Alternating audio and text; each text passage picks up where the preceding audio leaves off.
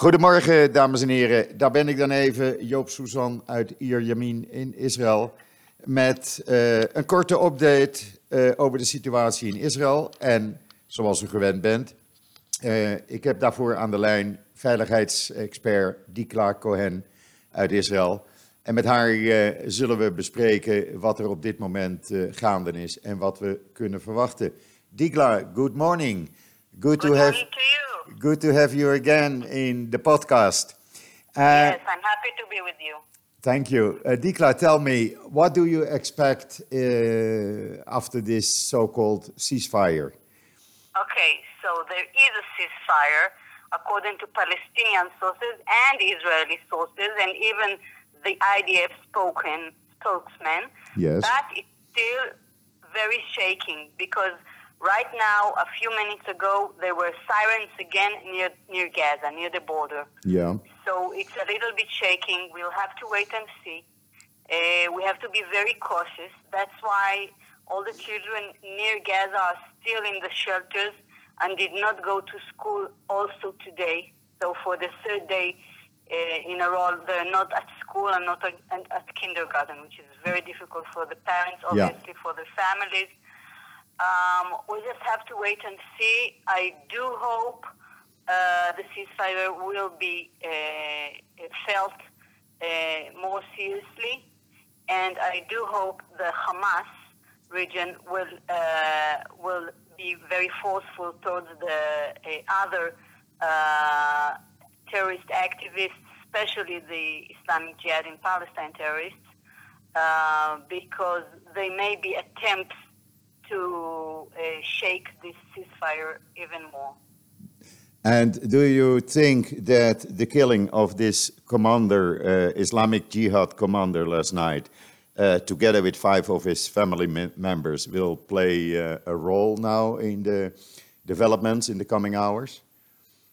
I believe the leadership really is looking forward for this ceasefire. Everybody needs this ceasefire now. The Israeli children in the shelters, the uh, Gazan population, Yeah. everybody needs this ceasefire now. So I do hope the Hamas region will take will take uh, uh, action and force the ceasefire on the terrorist activists Do in you, the Gaza. do you think Hamas is able to do this, to uh, put Yes, pressure? he has. He has the ability. Okay. He has the ability. We've seen that because they didn't take action in the uh, launching rocket during the whole the whole uh, two two last days. Yes, that's So- true. So they made they made a point, even though the social media was full of uh, outrageous uh, actions uh, and reactions towards the uh, Hamas uh, region, that they're not looking for look, looking for the people and so on by extremists, but still they did not let it uh, get any uh, further. So I do believe that they have the ability, they have their security forces, they have to go out now and make sure that nobody is launching rockets again on Israel. And what do you expect? What will happen tomorrow with the weekly uh, demonstrations, so-called demonstrations? Okay. That, that, that's, that's the main question. We'll have to see. As I told you, Friday is the holiday of the Muslims, Yeah. and they do go in large numbers to the mosques on Friday at noon, at 12 o'clock usually, is the main prayer of the uh, Friday, which is called the Yom al-Jum'ah in their language. Yeah. So, uh, so we'll have to wait and see. Uh, again, another uh, place of discomfort for both sides, and we'll just have to wait and see. If everything goes all right, let's say until tomorrow afternoon, then the ceasefire is really there and is not shaken. But tomorrow at noon will be another attempt of uh, of uh, extremists to to to to make trouble Yeah. at the border. And to see how the IDF uh, will uh, react to this. Yes. Yeah, so it's it's easy to say uh, tomorrow afternoon a fire can be uh, uh, starting again, or we will have peace and quiet. That's actually Yes. what you say. Tomorrow, tomorrow I, I believe until five o'clock when it's uh, already getting darker. Yeah. Uh, we'll know where where we're standing this time. I do hope it's another ritual round of violence and that's it. But uh, I think it's a very important thing that Hamas this time really didn't interfere. Mm-hmm. I believe it's very important that that's the way they reacted to the whole situation. Yeah. One last question, Dikla. Do you Please. think that the new Minister of Defense, Naftali Bennett, is Mm-hmm. uh, is playing uh, a role now in the developments? Uh, the I things. believe I believe he's uh, he's uh, he's just waiting to see what happens.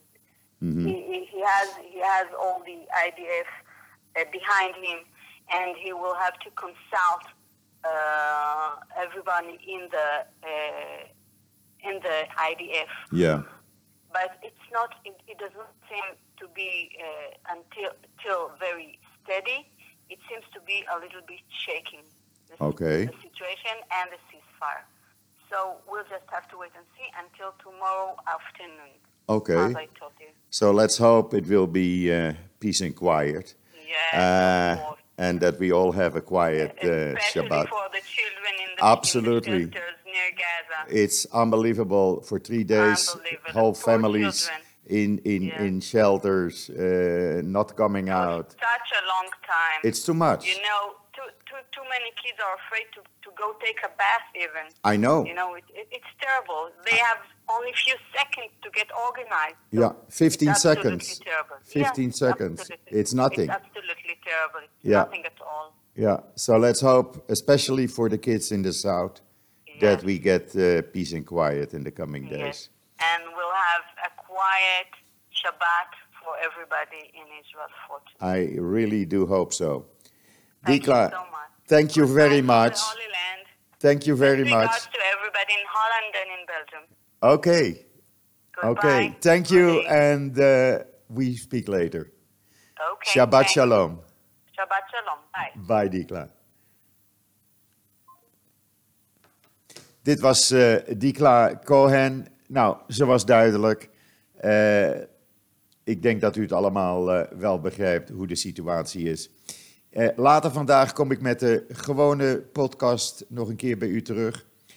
Dat zal halverwege de middag zijn. Voor nu, tot strakjes.